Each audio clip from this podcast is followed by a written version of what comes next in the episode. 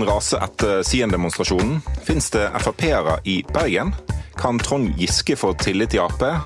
Og Vestlandet er fremdeles best på å føde barn. Velkommen til Noe må gå, en podkast fra Bergenstidene. Med meg i studio i dag har jeg Gerd Kjellflot. Hei, hei, hei! Og ved siden av meg Jens Kiel. Hei sann! Patrick Sveisan! Og så er det deg, da. Morten Miksvold. Myksvold. Vi er jo alle tre eh, kommentatorer i Bergens Tidende. Jeg bare hiver ut det. Eh, og så sier jeg Du er veldig redd for at noen skal glemme det? eller er det liksom... Men jeg er jo liksom stolt over eh, tittelen. Plukket opp fra rennesteinen på Oslo vest. For jeg syns det er litt rart. Kommentator, ja vel. Ja. Hei, i hvert fall. Hei. Eh, fint at du påpeker hva vi jobber med. Det tror jeg lytterne har godt av. Det var koselig sagt, Morten. Ja, På lørdag så demonstrerte Stopp islamiseringen av Norge, Sian, eh, på Festplassen i Bergen. Det ble eh, bråk der, og det har vært bråk i ettertid. Kom igjen!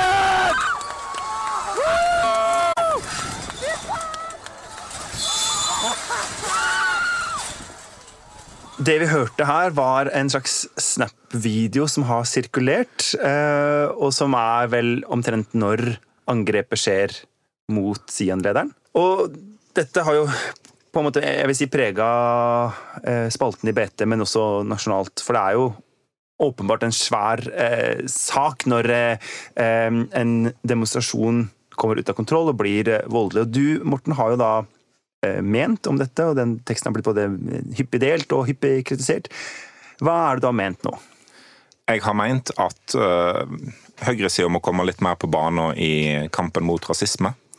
Uh, at uh, minoritetsungdom må i større grad se på gateplan når de demonstrerer mot Sian. At høyresida er med de i den kampen. For jeg mener at kampen mot rasisme og, og sånne organisasjoner som Sian er ikke et sånn høyre-venstre-spørsmål. Det er ikke sånn at Frp og Høyre og, og Venstre og sånt er ansvarlig for, for Sian, uh, men de har Veldig gøy hvis Venstre er ansvarlig for Sian. ja, nå tenket jeg på de som et høyresideparti. Ja. Um, men men uh, de har et ansvar for minoritetsungdommene og, og støtte uh, folk mot den rasismen som, som blir spredd. Um, I det så, så legger jeg jo liksom, til grunn at, at Sian hadde rett til å være der. Eh, og at, at voldsbruken selvfølgelig var, var uakseptabel. Men en må klare å, å liksom raske sammen noen flere tanker enn det når en skal eh, bedømme hva som gikk galt på Festplassen, og hva en kan gjøre i, i den liksom, antirasistiske kampen videre. For den, de, dette kommer jo til å fortsette.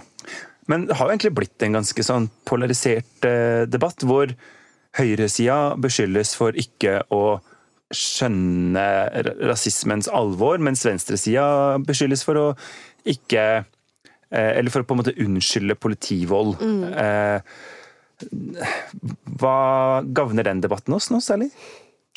Uh, nei, det er da et ledende spørsmål, kanskje. Uh, det gjør Jeg det jo tror kanskje at det er, jeg tror kanskje jeg mener ja, men ok. Ja, Ok, ja. ja. Uh, nei, men, men jeg opplever liksom at, at vi snakker så forbi hverandre hele veien. Eller at en, en snakker om forskjellige ting, fordi du har Um, de ene som på en måte vi må ta oppgjør med de som uh, utøvde vold. Uh, og så må vi ta oppgjør med rasismen. Og så er det på en måte uh, Det blir snakk om motdemonstrantene som ei gruppe eh, veldig mye. Eh, og så er det de som kaster inn sånn Nei, men folk skulle ikke ha vært der. I hvert fall ikke de som er unge. Altså Det blir så mange forskjellige elementer, og det blir sånn frustrerende debatt. For meg merker jeg da, for jeg blir veldig ja, det blir, det blir egentlig veldig forvirrende. Ja. Og så tenker jeg at det er jo noe rart, for eksempel, altså mange av de argumentene som blir veldig sånn um De blir veldig rare hvis man prøver å se på de prinsipielt, og det gjelder sikkert fra mange sider, men sånn For eksempel eh, vi, vi burde kanskje ikke la mindreårige være i debatten. eh, nei, være i demonstrasjonen. Sånn Nei vel? Har ikke de ytringsfrihet og demonstrasjonsfrihet, liksom. Altså når eh, Hvis vi mener at Sian, som står for et jeg vil si et ganske avskyelig budskap, skal kunne demonstrere, så må vi jo mene at en tilfeldig 14-åring må få lov til å demonstrere også. Ja, Og så var det jo ikke akkurat planlagt at det skulle utarte seg til vold. altså Det er jo litt etterpåklokskap her. At en ser at Mm. denne demonstrasjonen ble voldelig, så mindreårige burde ikke vært der. Men, Men- en men da 14-åring si som gikk dit, det det kanskje visste jo mer ikke at det skulle bli for sånn. at en sånn her demonstrasjon skulle, kan bli en farlig situasjon, da, enn ja. la oss si klimademonstrasjon eller noe annet lignende, der det også er mange unge. Så sånn sett så det jo, hadde jo ikke gjort noe hvis det var mer voksne folk som tok vare på disse ungdommene til stede, da. Men det er jo noe annet enn å si at de skulle ikke vært der i det hele tatt. For det er jo eh, Det er iallfall en av de tingene som jeg har tenkt i etterkant av dette, er jo at eh, For meg virker det som politiet har gjort omtrent alt feil. Eh, vi har jo et lesebrev De kommer i hvert fall veldig skjevt ut med ja, at de eller, kom på altså, etterskudd. Ja, men han, Salman Akhtar Shodri, som er leder i Vestland eh, SU, og som har et lesebrev hos oss, og som sier, skriver at jeg har mista all tillit til politiet, og, og spør bl.a. om, om tåregassbruken. og det er jo ikke første gang at politiet bruker tåregass i en sånn type demonstrasjon og, eh, her og i andre byer. Og jeg tenker at antageligvis, når det kommer til den situasjonen som vi hørte dere i klipp av, så Kanskje må du bruke tåregass, hva veit jeg. Mm. Eh, men spørsmålet er for eh, en måned og ett år og tre år siden, har politiet brukt nok krefter på å snakke med idrettslag og ungdomsklubber og alt det her eh, eh, når demonstrasjonen er et faktum, eller at den er søkt om, og den må på en måte innvilges, har de da gått i dialog med typ fagbevegelse, partier på den radikale venstresida, som kanskje kan på den ene sida snakke ålreit med politiet, med vanlig innestemme om hvordan man gjennomfører en demonstrasjon, og på den andre sida bruke den samme innestemmen i møte med de ungdommene. Og de vaktene til LO i Bergen og Omland, eller SU for den saks skyld, eh, på en sånn organisert motdemonstrasjon, vil jo være en, en, et ledd mellom demonstrantene, motdemonstrantene og politiet. Ja. At ikke politiet er de første som, som uh, motdemonstrantene treffer på. Det tror jeg kan, kan redusere spenningen ja. i en sånn situasjon ganske voldsomt. For jeg har vært på min dose sånne eh, ja, Palestina-demonstrasjoner og alt sånt nå, og det er jo et eller annet med det at eh?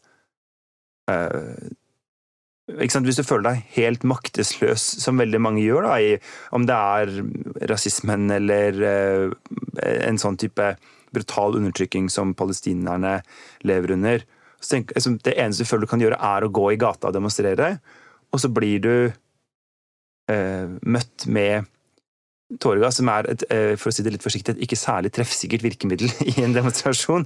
Og det blir et kaos, er et helvete, og det svir altså så satans mye.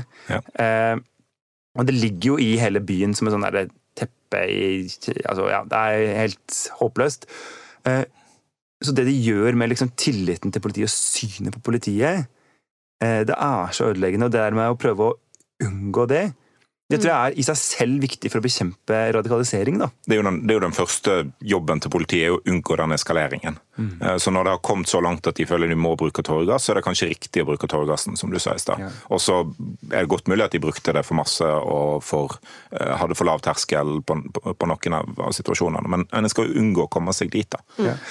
Men har du eh, på en måte eh, stått litt for last og brast med demonstrantene og forstått dem i hjel? Altså, du har jo til og med blitt i Nettavisen beskyldt for å eh, drive med de lave forventningers eh, rasisme, ved å liksom si at folk ikke veit bedre når de er brune i huden. Ja, og Det er jo en litt spesiell tolkning, syns jeg. Jeg prøver å forstå sinnet som folk som blir utsatt for rasisme, eh, har. Et, et sinne som Eller et, en, en opplevelse så det er vanskelig for meg egentlig å vite hvordan det er, fordi at jeg er ikke mørk i huden, jeg er ikke muslim, jeg har ikke blitt utsatt for muslimhat eller, eller rasisme. Så det å prøve å forstå eh, hvordan det er, og hva sinne som, som bygger seg opp, er ikke det samme som å unnskylde vold, eller som å si at alle som var der, eh, ikke eh, var i stand til å gjøre noe annet enn å bli voldelig. For det vi så, var jo at de aller, aller fleste forholdt seg eh, sånn som de planla å gjøre. Altså være motdemonstranter, være høylytte, demonstrere mot sidene. Og så var det noen som, eh, som brøt de eh, grensene som en, en har i samfunnet, og, og, og brukte vold mot, mot Sian-lederen. Og det, det, skal vi ikke ha. Ja. Du har jo konvertert fra Frp til Høyre til eh, BT, som basically betyr konvertert et eller annet sånn, en variant av Venstre. Har du vurdert å konvertere til islam? Nei, det har jeg ikke eh, gjort. Eh, men, jeg, men jeg, jeg, føler jo litt sånn ansvar for rasismedebatten fordi at jeg kommer fra høyresida sjøl og, og, ønsker å få den inn på et, et, bedre spor. Og det er jo det jeg håper at en del politikere som fortsatt er aktive på høyresida i Norge òg, innser at uh, det å ta mer ansvar for rasismedebatten skal ikke, det er ikke en anklage mot verken Høyre eller Frp om rasisme i seg sjøl. Det handler om å stå opp for uh, minoritetsungdom i Norge Eh, som kanskje kan tenke seg å stemme på disse partiene òg. Ok, skal vi gå litt videre til noe mer lystig, tross alt? Hva er mer lystig enn politivold? Eh, det, bare for record, det mente jeg ikke. Det var en såkalt vits. Jeg beklager den. Ok, det går fint. Eh, jeg, jeg tenker vi skal gå videre til det, noe av det lystigste jeg vet. Eh, nemlig meningsmålinger, partimålinger. En partymåling? Ja.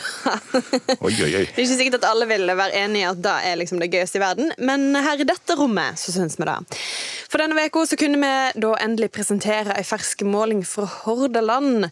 Eh, og da med tanke på stortingsvalget neste år.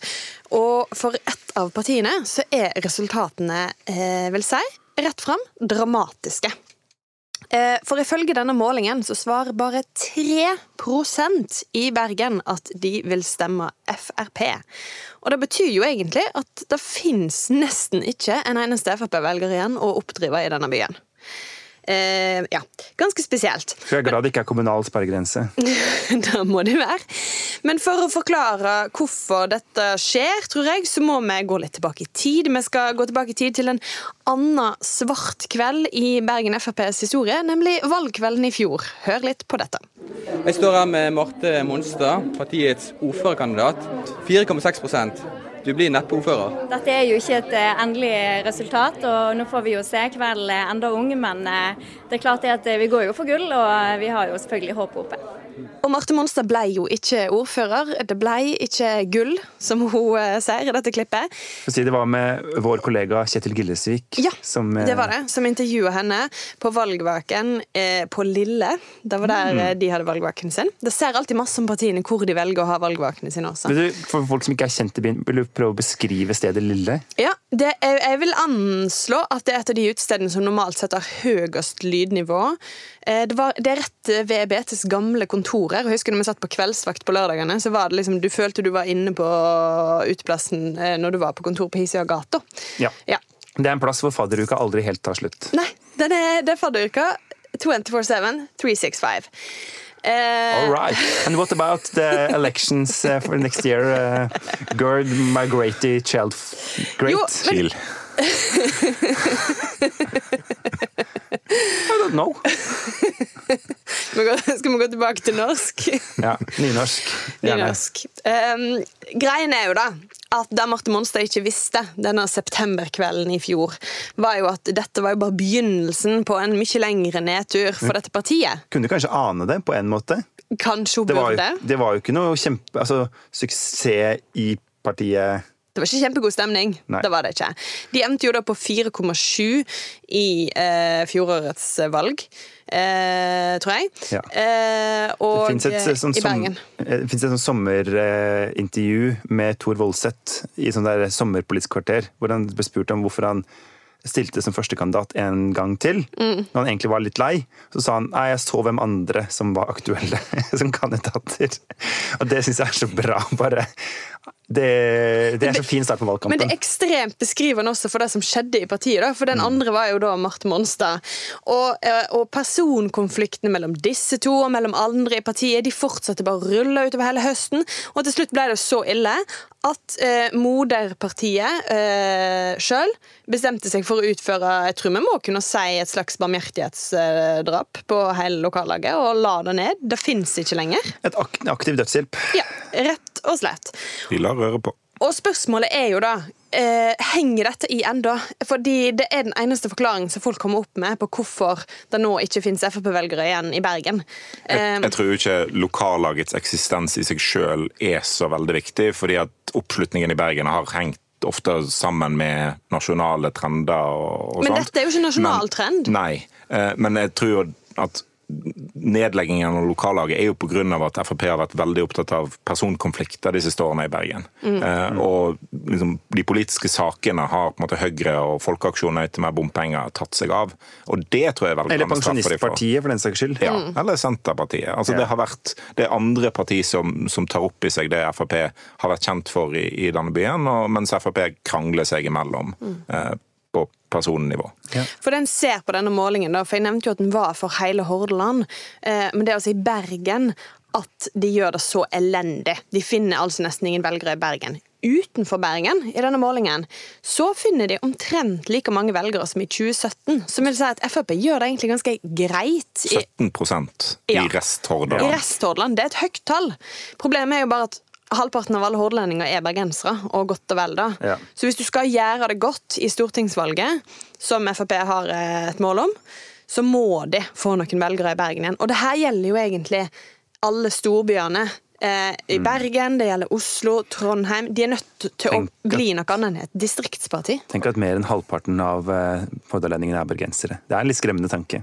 Eh, nei, for at eh, i dag, tror jeg, så har vel Vårt Land sin stortingsmåling, hvor de lander på nitallet nasjonalt. Mm. Ja. Og det er vel egentlig det de har landet på i Hordaland til sammen her, Ja, det det. Så de er på en måte på landstrenden, men det betyr jo at eh, Altså, de gjør det jo ekstremt dårlig i Oslo og Bergen.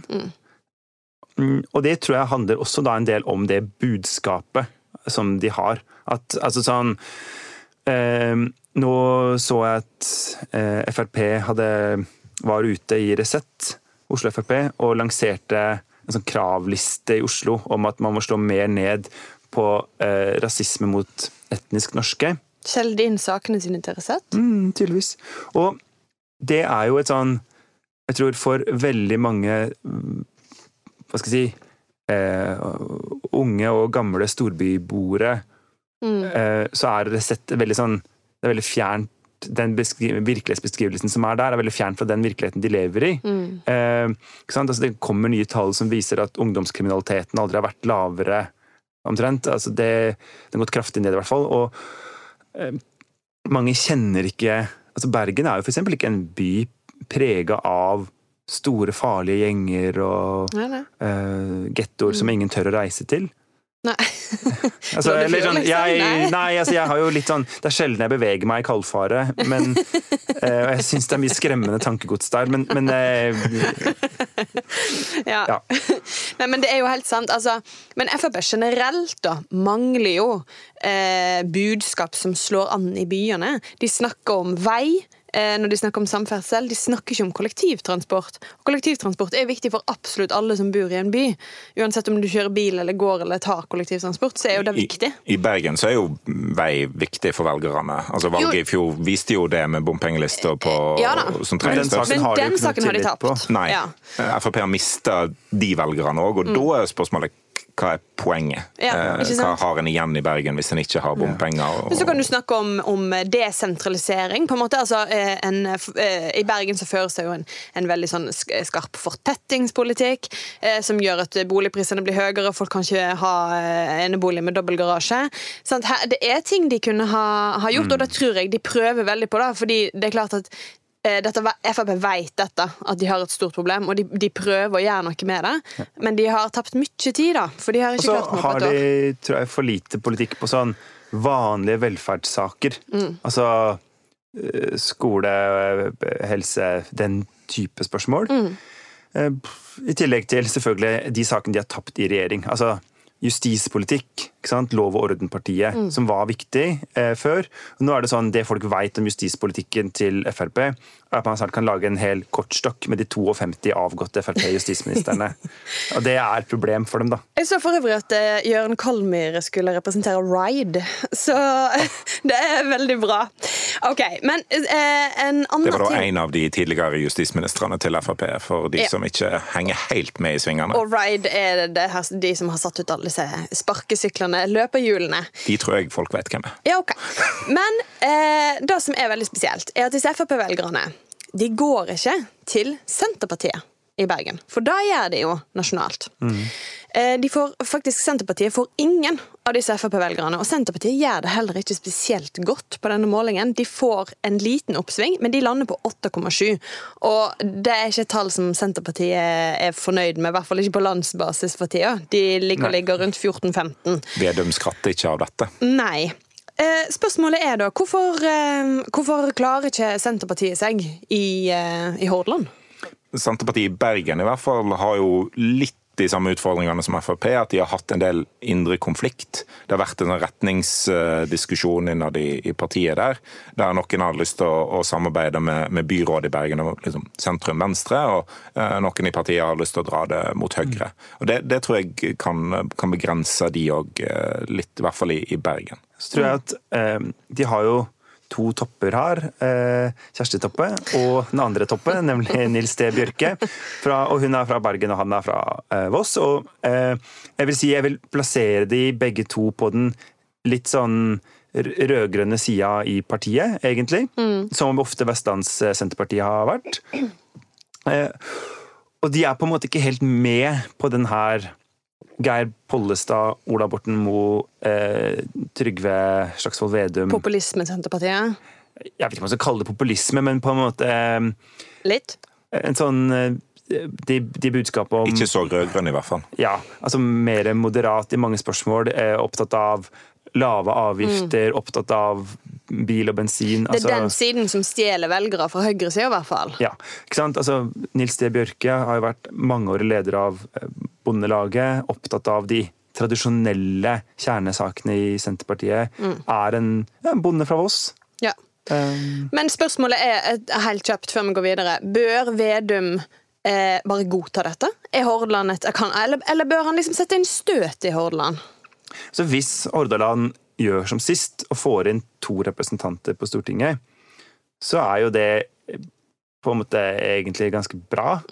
Det, det kan det hende at de får til, for det er jo et resultat på linje med sist. Men når de har gått opp så mye i resten av landet og ikke her, så må du finne ut liksom, hva, hva det skyldes, da. Ja, hva er greien her? Hvorfor funker det ikke? Ja. Jeg tror det skal vanskelig gjøres å få Kjersti Toppe til å bli en sånn derre alkoholpopulist, for eksempel. Ja. Eh, hun er en eh, sindig dame eh, som eh, jeg tror ikke har helt det i seg. Men Okay. Hun er flink på masse, men jeg tror det å dra Høyre og Frp-velgere over til, til sitt parti, tror jeg ikke er liksom hennes største styrke. Jeg vet ikke engang om vi har lyst til å ha dem. Nei. Hvis jeg skulle vært helt det er kanskje der det ligger. Men ok, siste greien før vi, før vi går videre. Jeg skal, jeg skal gi meg med partimålingen. Men Venstre. Vi må jo innom Venstre. På denne målingen så mister altså Venstre sitt mandat fra Hordaland. Det vil si, de ville ikke vært representert fra Hordaland. Og det ville vært første gang på ganske lenge. At de ikke har et direkte innvalgt mandat for Hordaland. Ja, altså på en måte Da eh, Lars Bonheim gikk over fjellet, eh, så var jo det i, Og- i 97, er vel det, så var, hadde du ikke vært inne på Stortinget herfra på evig lenge, da. Nei da, men det er jo en stund siden da skjedde. Ja. Og vi har for øvrig kilder på at noen kjørte han opp på fjellet fra Ulvik, så han gikk egentlig ikke hele veien. Eh, Typisk på Men meg. eh, nei, det er jo åpenbart alvorlig. Og så er det jo sånn Hvis vi nå får en strid mellom Terje Breivik og Sveinung Rotevatn, som ender med at vinneren av den ikke, Ikke kom inn. så er jo det Jeg vil si peak venstre. Ja, og så har det også skjedd eh, siden sist vi spilte inn podkast, at Venstre har faktisk landa på en eh, lederkandidat. Eller ikke Venstre landa, men eh, valgnemnda. Eh, Guri Melby. Ikke eh, vår lokale Sveinung Rotevatn. Som Er han vår lokale? Ja, han han jo bor jo fra- i Vika i Oslo. ja, Det er det alle i Sogn og Fjordane i hvert fall bruker mot han. Ja. Eh, men han er jo nå likevel en gang fra Vestland. Ja. Eh, ja. Eh, Er det Han er fra Vestland. Sier du det? Ja, det kommer fra Vestland. Nei, men jeg Jeg føler han er en sånn som må godta sånne ting. Må ikke han det? Men se da, her, bare, for at jeg, bare for at Venstre sto bak fylkesreforma, så må de liksom godta den. Jeg tror du skal tåle masse som liksom, framstående politiker i Norge, og i hvert fall når du slenger det på i en lederstrid og sånt, men å bli beskyldt for å være fra Ja, Vestland det er på er kanskje litt over grensa, Gerd. Men ok, men er det rett og slett bare da flaks nå da at partiet har valgt å satse på en annen lederkandidat? For det ville jo vært litt eh, bale hvis han eh, var leder i Venstre og ikke kom inn på Stortinget. Ja, men da kan det jo faktisk hende at han hadde sagt jeg heter Sveinung, og jeg vil ha førsteplassen i Oslo. Det er ikke utenkelig. Ja. Eh, og det hadde jo sikkert også gitt eh, masse bråk. Men, eh, men nei, det blir spennende for at motsatt vei. da. Hadde han vært leder, så kunne han jo sagt 'jeg vil ha førsteplassen i Hordaland'. Ja. Og det kan godt hende at hans valgkamp hadde gitt et mandat herfra, altså, sånn som Terje Breivik har greid det. Men eh, det skal bli utrolig spennende å se hvem de lander på som kandidat her. Enig. Jeg tenker vi må snakke litt om hvert fall det som jeg er mest opptatt av for tida, eller som fyller eh, dagene mine, og det er eh, Trond Giskes eh, store comeback. For han er jo da enstemmig innstilt som ny leder i Trøndelag Arbeiderparti. Og det siste som skjedde nå, før eh, vi begynte å spille inn, var at 100 damer og menn, deriblant en lang rekke stortingsrepresentanter, går ut med et felles opprop hvor de krever at han ikke blir leder, eller ber om at han ikke blir leder i fylkeslaget der oppe. Og Det er ganske spesielt. det Altså eh, Det er helt ekstremt uvanlig. Ja. Eh, og, og det er på, men, det, men det er interessant fordi at denne diskusjonen har jo vært eh, veldig prega av en sånn Ja, men i Trøndelag, der er ikke dette en metoo-strid. Der er det først og fremst en by-land-strid. Han kommer fra Trondheim, forstår ikke bygdene, eller den type ting. Eh, mens nå er det jo til det fulle en metoo-strid også der. Altså, men Trøndelag vært- kan jo ikke velge hva type strid det er helt heller. Altså, det er jo folk i Trøndelag òg som, som mener at metoo er grunnen til at Trond Giske ikke bør Ja, men det er det, men nå har du på, ikke sant? Men hvis det har på en måte vært lite framme i debatten der, da, så kan Ja. man si der har det ikke, det har ikke dominert sånn som det har gjort.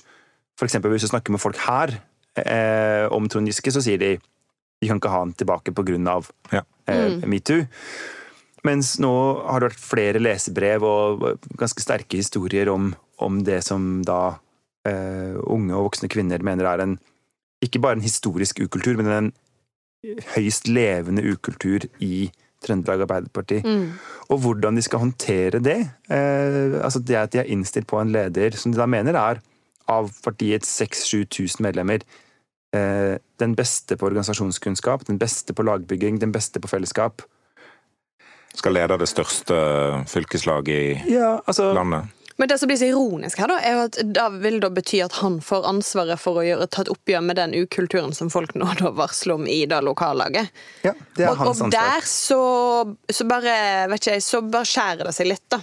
Men et argument som blir brukt for Giske, er at måtte, det må være mulig for han å komme tilbake igjen. Mm. Har han ikke vært ute i kulden lenge nok nå? Eller skal han eh, liksom sone til evig tid Mm. eh, for det han har gjort? Hva tenker du om det? Jeg tenker det er veldig viktig at vi ikke bruker juridiske begreper her. Altså fordi at han har aldri blitt dømt, han, har, han soner ikke altså det er veldig sånn, det er mange av de Han måtte gå det- av som nestleder. Ja, Egentlig ja, det men, det er liksom, eh, men, men det er mange som bruker sånn, sånn type uttrykk, og det er viktig at vi heller ikke bruker uttrykk som han gjorde noe dumt, eller det er lov å drite seg ut, eller sånn. Fordi det vi må si, er at han eh, ble eh, Altså, det ble rettet en lang rekke varslingssaker mot han. Partiet brukte sine retningslinjer for hvordan man skal behandle det, og konkluderte med at han hadde brutt retningslinjene om seksuell trakassering ved flere anledninger. Trond Giske sa seg enig i én sak, og sa seg uenig i de andre. Det vil si at han i praksis har en lang rekke eh, saker der han står i en uavslutta strid med forskjellige varslere, hvor det er ord mot ord, eh, og man ikke har konkludert Altså partiet har konkludert, men, men man kan ikke altså For de varslerne så er de fremdeles på en måte beskyldt for å snakke usant av han. Og da er det kanskje litt vanskeligere å snakke om at han har den tilliten som skal til, da. Mm. Han har jo på en måte, eh, sånn som hun Ellen Reitan, som var på Politisk kvarter torsdag morgen, sa at han har jo ikke gjort noen ting for å bygge opp igjen tilliten. Han har sagt at varslerne eh, lyver og overdriver. Ja. eh, og, og snakker feil og snakker usant. Og da er det jo vanskelig å si at det er et eh, At man bare kan gå videre. For debatten handler kanskje ikke så masse om tid. Eller altså, det spørsmålet er det for tidlig at han kommer tilbake. Det handler ikke om hvor mange måneder og år det har gått siden, men hva som har skjedd i de månedene og årene. Ja. Og så handler det jo om hvem som, altså i en varslingssak, hvem det er som skal eh, på en måte stå igjen. Altså at hvis er, Jeg på en måte lurer på hva som er vekslingskursen. Altså Hvis det f.eks. er ti kvinner som ikke orker å være aktive i Trøndelag Arbeiderparti fordi Trond Giske skal være der, eh, er det et akseptabelt tall? Hvis tallet er 20 eller 50, altså er, eller 100, ikke sant? Altså, bikker liksom? at, at, at liksom én Trond Giske er verdt mer enn f.eks. 100 aktive kvinner. Da.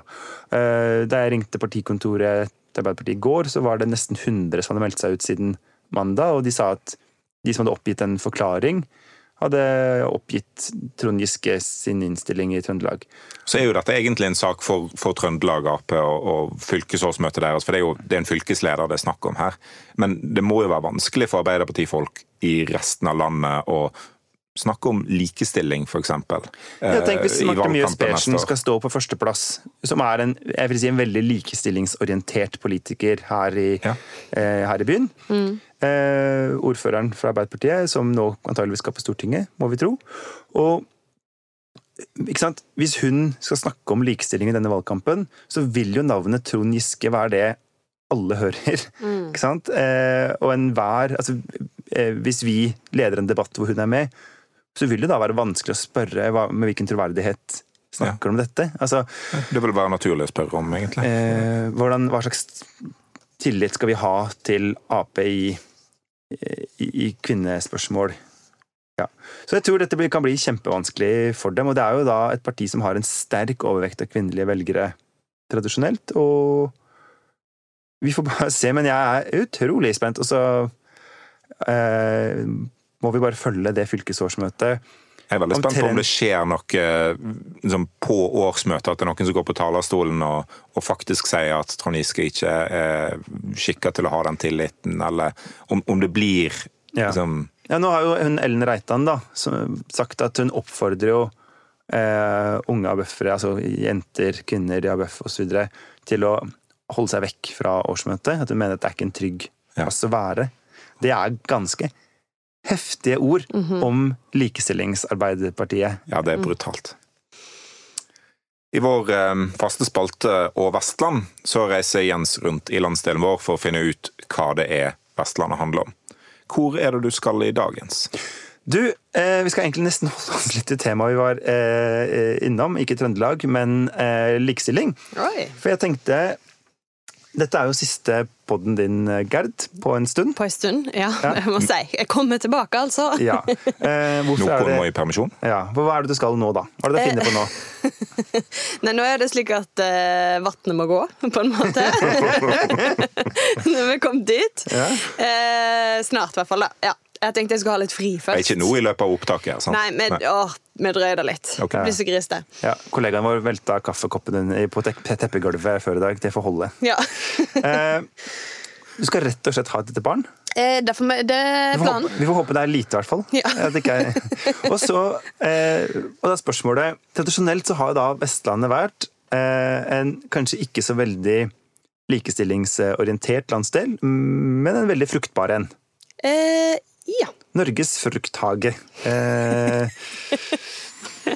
Da ja. er det noe vi skal leve med. Nei, jeg vet ikke. Mm. Norges frukthage. Det høres fint ut, da. Var ikke det litt sånn vakkert?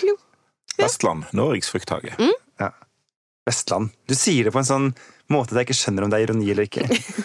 Du bare, du bare kaller fylket det. Jeg er strilt, det er måten jeg snakker på. Ja. For 15 år siden så viste et sånt likestillingsbarometer at Hordaland var et av de dårligst eh, stilte likestillingsfylka. Ja. Eh, og nå er f.eks. Sogn og Fjordane på topp i fedrekvote, og alle vestlandsfylkene ligger inne på topp eh, Mm. Så egentlig Spørsmålet mitt er litt sånn eh, Er vi her på Vestlandet har vi gått fra å være en slags variant av Sørlandet til å være en variant av Norge? Har vi blitt litt likere de andre? Jeg kan starte med å spørre deg, Morten. Uh, har du vokst opp med sånne en sånn serie av hjemmeværende kvinner som nynner på salmer eh, og baker flatbrød? Nei, jeg eh, måtte i, måtte i barnehage fordi begge foreldrene mine jobba. Og det var et par år før full barnehagedekning, for å si det sånn. Ja. Når begynte du barnehagen? Men det var kanskje greit med barnehagedekning helt, i Radøy? Det vet jeg ingenting om. Jeg gikk, eh, gikk i barnehage på Myksvoll i gamle Lindås eh, kommune. Ja. Ja. Hva het barnehagen? Eh, Myksvoll barnehage. Nei, er det sant? Den uh, har vært i Alt bruk rundt deg heter Myksvoll. Den har nå vært i bruk som uh, blant annet pub i ettertid. Og for den er lagt ned. Åh, Ja, ja. Dette er så peak Radøy. M- Miksvoll barnehage og pub AS. Ja. Hva med, hva med deg, Gerd? Eh, jeg har jo også gått i barnehage og hatt eh, to arbeidende eh, foreldre. Eh, men det er klart at det var mange som rundt meg som hadde hjemmeværende foreldre. Noen av de gikk i barnehage, noen av de gikk ikke. Og med foreldre, Eh, mener du jeg mener mødre. Ja. Eh, men for så vidt også foreldre, for mange hadde jo en far som var bonde. Så han var nå på en måte òg hjemmeværende, men jobba jo på hjemme, da. Ja. ja. Men hadde hjemmeværende mødre. Ja. Mm. Hun- eh, Og jeg ja, for eksempel var dagmammaen eh, vår til meg og min bror en stund før, fordi barnehage, du begynte jo ikke i barnehage når du var baby da, i gamle dager, når vi var små. Gjorde man ikke det? Eller, å ja, eh, i storbyen så gjorde man kanskje Altså, eh, vil dere vite når jeg begynte i barnehage? Ja, fortell. Jeg var fire måneder. Ja, det er jo helt Jeg, vilt. jeg er født i april, og så begynte jeg i barnehage i august 1986. Og der gikk jeg til august 1993. Sju strake år i barnehagen. Til dags dato mine sju lykkeligste år. Eplehagen, verdens beste sted. Ja, så fint. Ja. Ja. Eh, en av de ansatte i barnehagen het May-Britt Andersen. Boom. Wow. Ok, Men det er sånn det er i May-Britt Oslo. Det er Andersen kom kjendiser aldri til. Åkra, for å si det Nei, sånn. hun gjorde ikke det. Er Men Hanne? Krogh har vært innom. Er, det, er dette sant? May-Britt Andersen er fire måneder gammel. Tror du han sitter og lyver til deg? Jeg begynner å skjønne hvorfor du smiler så masse. Ja. Sånn i hverdagen. Ja, det er ok. Men det er jo vokst opp på Østlandet. Ja. Ja. Jeg hadde bare helt sånn ordinære barnehagetanter. Nei, det var veldig stygt sagt. De var kjempekoselige. Men de var ikke kjendiser. De var ikke på TV innimellom. Nei. Nei. Nei. Jeg tror eh, vi faktisk var og eh, vi var med for å spille inn liksom som bakgrunns barnekor på en av sangene til eh, May-Britt. Jeg lurer på om det blei klippa vekk, men eh, Og med det her er det jeg alltid har vært misunnelig på. Alltid vært misunnelig på alle mulighetene som sånne eh, bybarn får. Når jeg satt og så på, sånn, så på barne-TV og Midt i smøret og alt sånt da jeg var liten. Og sånt Og hadde og også lyst til å være på TV. Okay, men for jeg har jo et stort det? eksponeringsbehov. ja. Um, gikk ja. det med de ungdom som var på Midt i smøret? Jo, de blei til Triana Iglesias. Ja, da må vi huske på. Ja. Mens her bor eh, eh, Gullars fremdeles nede i et eller annet sånn bosspann, gjør han ikke det? Det var ikke Gulla som bodde i det bosspannet, det var vel Indigo. Ja, men Er det ikke ned der du må for å komme til den leiligheten de Vet ikke, jeg, jeg er for ung. Jeg så aldri Gullas. Jeg husker ikke. ja. Nei, jeg Nei, jeg føler at hele min oppvekst var prega av sånn to hus tett i tett og Gullars, og det ene med det andre herfra. Eh, Ja, men, det, men det var jo heller ikke Åkra, det var jo Bergen. Ja. Ja. Ok, men spørsmålet mitt Vi må avslutte. Dette ble bare rot. Men jeg skulle egentlig bare spørre om eh, For at nå synker jo fruktbarhetstallene som en stein. ja, virkelig kraftig, altså. Ja. Eh, Sogn og Fjordane, som før hadde Jeg vet, altså. Masse. De har nå hatt over to og Ja, ikke sant? Ja. Eh, for ikke så lenge nå er det sånn 1,7. I Sogn og Fjordane, og det er de som har høyest fruktbarhetstall i eh, skulle si verden, men eh, Norge. Ja. Eh, Ikke verden. Nei. Er det rett og slett sånn at likestillinga kom og tok alle ungene? Eh, Kvinner går ut i arbeid. altså det er Kjempehøy andel av damene i Sogn og Fjordane jobber jo. ja. Uh, og samme her, selvfølgelig. Ja. Og det gjør at folk glemmer å pule på seg unger. En får i hvert fall færre barn, da. Er det, du veit jo at man lager et barn, Gerd! Ja, men du Jeg tror ikke folk bare har glemt uh, sammenhengen uh, og hvordan det, hvordan det Hvordan skjer. barn lages. Eller er det Nei. det at liksom ja, folk For nå er skal jeg liksom på jobb eh, åtte timer om dagen, så da bare glemmer jeg sånt. men da, ikke sant, i, stedet for å gå, altså, I stedet for å gå på puben og grisepreike om åssen unge blir til, så går man på jobb og legger seg tidlig. Hva, og hva er det som skjer på jobb her? For vi er jo på jobb, og hva, hva er det vi sitter og gjør? Vet ikke. Høres eh, mm. Men jeg eh, Det er jo Men ja, det er jo definitivt en, eh, en kommer- sammenheng som er trukket fram, sant? Men det er jo At, også et tegn på velstand. Altså at en får færre barn, og så er det, Ja. er det jo spørsmålet blir det for gale, så er det fare for, for velstand hvis, hvis en får for, for barn. Men Oslo, for eksempel, som har vært lavest i mange mange år, har jo høyere fruktbarhetstall enn på begynnelsen av 80-tallet. Eh, høyere innvandrerandel, kanskje? Eller? Sikkert. Ja, Det må jo være det. vil Ja. tro det. Men hva, hva kan vi lære av dette? Um, Ha, ha, hvis du holdt en nyttårstale nå, Gerd, hva vil du oppfordre folk til?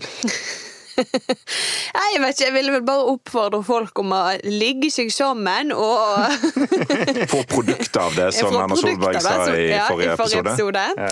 Det er viktig. For hun er, ikke, hun er ikke for ligging generelt. Hun er bare for ligging der det blir produkt, som Ja. hun sa. Det føltes veldig vestlandsk. Ja, veldig vestlandsk. Jeg vil bare si altså, jeg, jeg vil jo ikke anbefale det i alle tilfeller. Vurder fra gang til gang, kanskje, da. For det er jo ikke gitt at det er alle du vil ha barn med, på en måte. For eksempel. Nå kan jeg fortelle lytterne at uh, Gerd ga Morten og meg et sånt litt rart blikk. Men vi vil ikke ha barn med deg heller. For da kan vi ikke være med i poden. Jeg tror Gerd har eh, godt av eh, den permisjonen som, eh, som kommer flygende akkurat nå. Ja. Før vi avslutter i dag, eh, hvem er det som må gå denne Gerd. Mm. uka? Åpenbart, men jeg, jeg er på vei! Jeg er på vei. Jeg skal, jeg skal skaffe en ny skattebetaler til dette samfunnet. Veldig bra. Eh, ja, det er jo først og fremst det, Gerd. Ja. Men eh, vi gleder oss til å ha deg tilbake. Ja. Og vi får jo si lykke til. Ja, lykke til. Vi Ja. krysser fingre og Det er litt sånn rart, men ok. Ja. Det går sikkert fint. Ja. Ja. Og så snakkes vi om en stund. Ja. Innspill og tilbakemeldinger til oss og lykkeønskinger til Gerd kan sendes på nmg, alfakrøllbt.no eller i Facebook-gruppa Noe må gå. Vi kommer tilbake med en ny episode hver torsdag, i hvert fall Jens og jeg. Vi får nå finne ut hvordan dette skal styres når Gerd stikker. Intromusikken var bergenser av Bjørn Torske, produsent var Henrik Svanevik. Du finner oss i BT Lytt-appen eller hvor enn du laster ned podkaster fra verdensveven. Ha det bra! Ha det! Ha det, Patrick Sveisan, som jeg håper blir navnet på den nye ungen. Ha det bra. Det går ikke an.